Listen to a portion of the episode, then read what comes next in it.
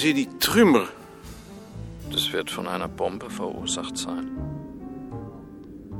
Es sieht so aus. Wäre so etwas bei Ihnen möglich? Nein. In Dänemark auch nicht. I want to tell you, Protestant people in this meeting tonight, you've got a choice.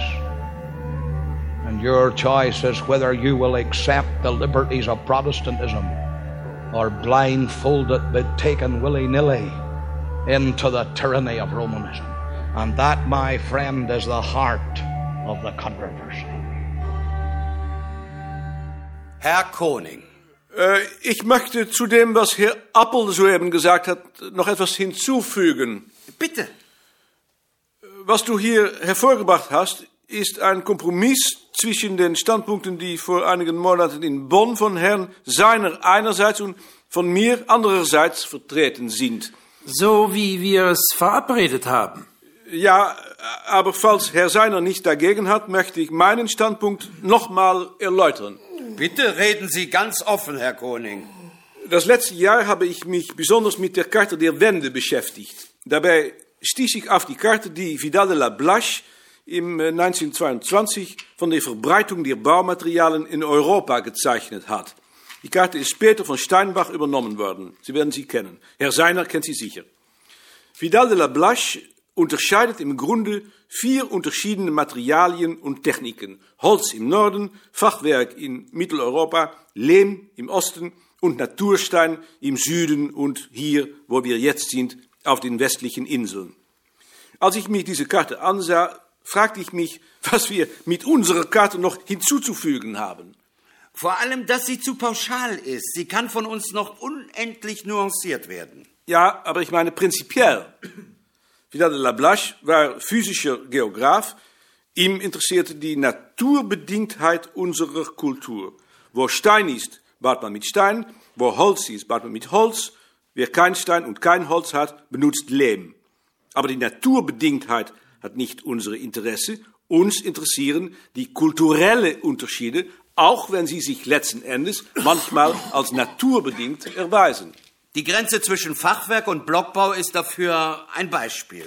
Und die Grenze zwischen Blockbau und Standardbau? Aber dazu brauchen wir keine gemeineuropäische Karte. Ähm, ich plädiere dafür, dass wir uns in Arbeitsgruppen aus der Regio auf solchen Problemen konzentrieren. Umso mehr, da das Zeichnen einer Gesamtkarte die Gefahr mit sich bringt, dass wir uns auf eine statische Situation fixieren und solche Grenzen äh, verabsolutieren. Ich habe darüber schon in Visegrad gesprochen und in Stockholm. Ich möchte noch ein Beispiel aus dem Bereich der Wende geben. Ähm, in meinem Lande sind die Fachwerkwände im Laufe von vier Jahrhunderten von Ziegeln verdrängt worden. Von diesem Prozess habe ich aufgrund archäologischer Daten, Abbildungen und Steuerlisten sechs Verbreitungskarten gezeichnet. Eine Karte für jedes Jahrhundert seit der Mitte des 15. Auf diesen Karten sieht man, wie die Grenze sich allmählich verschiebt von Westen nach Osten. Da hinten liegt die ganze Wirtschafts- und Sozialgeschichte meines Landes und darauf müssen wir letzten Endes zielen. Nicht auf das Aufdecken von Kulturgrenzen an sich, sondern auf die Analyse des Verbreitungsprozesses, worin solche Grenzen nur eine zeitliche Rolle spielen. Ähm, ja, das war es. Dürfte ich einen der Anwesenden das Wort geben? Yes.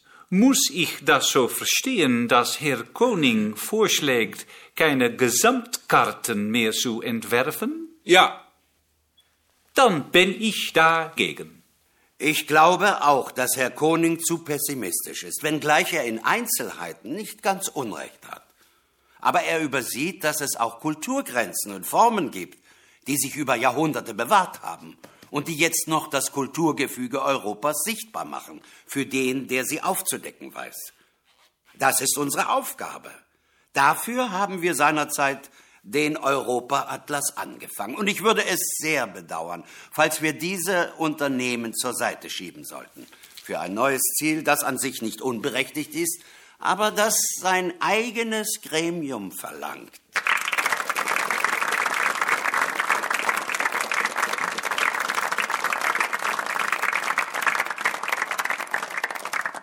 Ze begrijpen u niet, Maarten. Nee, Jan. What we need now is courage, organization, discipline, and unity.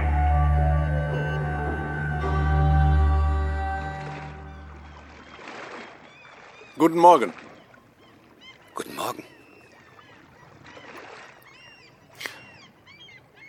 Das Meer ist groß. Ja? Sie kennen das? Nein. Tschechow. Äh, Gorki, äh, ich, Gorki, ich glaube Gorki, fand Tschechow eines Morgens am Ufer des Schwarzen Meeres. Er setzte sich neben ihn und fragte, wie Tschechow das beschreiben würde. Tschechow dachte einen Augenblick nach, dann sagte er, das Meer ist groß. Ach so. Ja, natürlich. Большое море. Sie finden die Atlasarbeit sinnlos? So wie sie jetzt organisiert ist, ja. Nur ist sie für mich die einzige Möglichkeit, um zeitweilig in den Westen zu verreisen. Aber damit behaupte ich natürlich nicht, dass Sie nicht das Recht haben, das zu sagen, falls es Ihre Überzeugung ist. Gibt es für Sie keine anderen Möglichkeiten, um ins Westen zu gehen? Nur wenn das Ziel von der politischen Behörde akzeptiert wird. Auch wenn das Ziel falsch ist. Unsere Politiker sind der Meinung, dass das Ziel des Atlases ein gutes ist. Weil es die kulturellen Unterschiede zwischen Ost und West eine geschichtliche Berechtigung gibt? So könnte man es formulieren. Aber das braucht für Sie natürlich nicht richtig sein, falls wir nur auf dieser Grundlage zusammenarbeiten. Dobre Utra! Guten Morgen! Tun Sie das jeden Morgen? Jeden Morgen. Auch in Russland. Wenn ich in Institut gehe, ich renne immer. Eine halbe Stunde. Wie ein Amerikaner. Nein, wie ein Russe. Aber Sie haben das von den Amerikanern. Nein, nein, die Amerikaner haben das von uns. Good morning. Good morning. Ja, pойду переоденусь. Äh, äh, Aber ich gehe mich umzukleiden. How old is he? Hmm, 57, 58.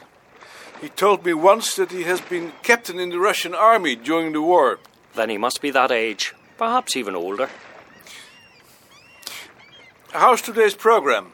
I wonder if you can keep a secret. Both Mr. Panzer and I work for the Secret Service. Nein, bitte.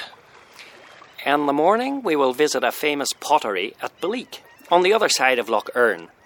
We will have lunch in the village, and then come back by boat, paying a visit to the Round Tower and the carved figures on White Island, both of them early Christian.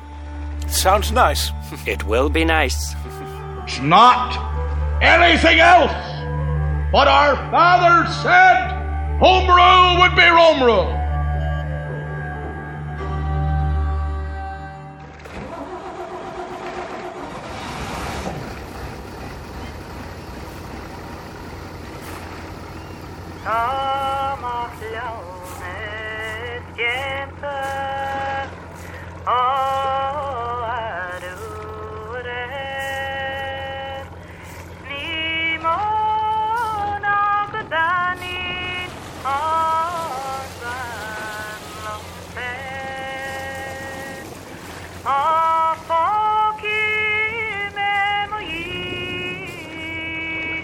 Het klonk weemoedig en verzoende hem voor het ogenblik met zijn leven. Zolang hij maar alleen was, was zelfs een congres te harde. Darf ich mich zu Ihnen setzen? Bitte. Ist es hier nicht wunderschön? Ja, das Meer ist schön.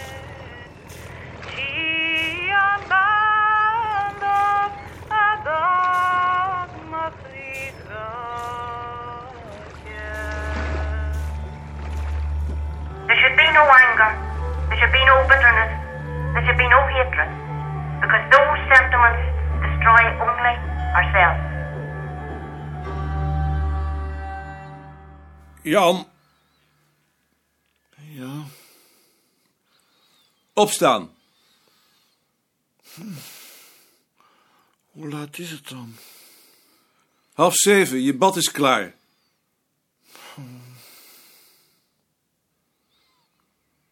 Ben je wakker? Oh, ik ben wakker. Dank u wel, Maarten. Ik ga nu ontbijten. We vertrekken over drie kwartier. Guten Morgen. Goedemorgen. Und jetzt gehen wir wieder nach Hause. Ja, Sie äh, beschäftigen sich also mit den Wänden des Bauernhauses. ja. Ich bin Bauernsohn. Bauernsohn? Damals habe ich ein eigenes Haus gebaut. Aus Holz? Aus Holz. Wollen Sie Kaffee? Bitte. Das muss lange her sein. Das ist lange her. Das war vor 60 Jahren. Good morning. Uh, no, I'll only take a cup of coffee. Zuerst habe ich selbst die Bäume umgelegt. Dann habe ich die Rinde abgerissen. Also Blockbau. Blockbau. Good morning. Koffie? Graag. Und dann habe ich die Pfähle in den Grund geschlagen, in einem Quadrat. I'm afraid we have to go now. Und dann habe ich die Türen und die Fenster gesägt.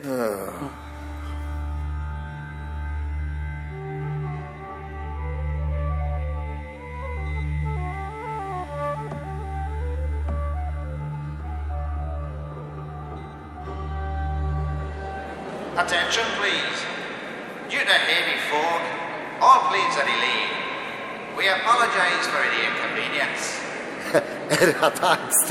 Weil ich rechtzeitig zurück sein soll. Mein Visum läuft heute ab. Aber dies ist doch Übermacht. Nein. Und jetzt kann keiner uns mehr trennen. Falls wir nicht abstürzen. Dann noch kommen wir zusammen bei dem lieben Gott. Die erste Arbeitsgruppe des Europa-Atlasses im Himmel.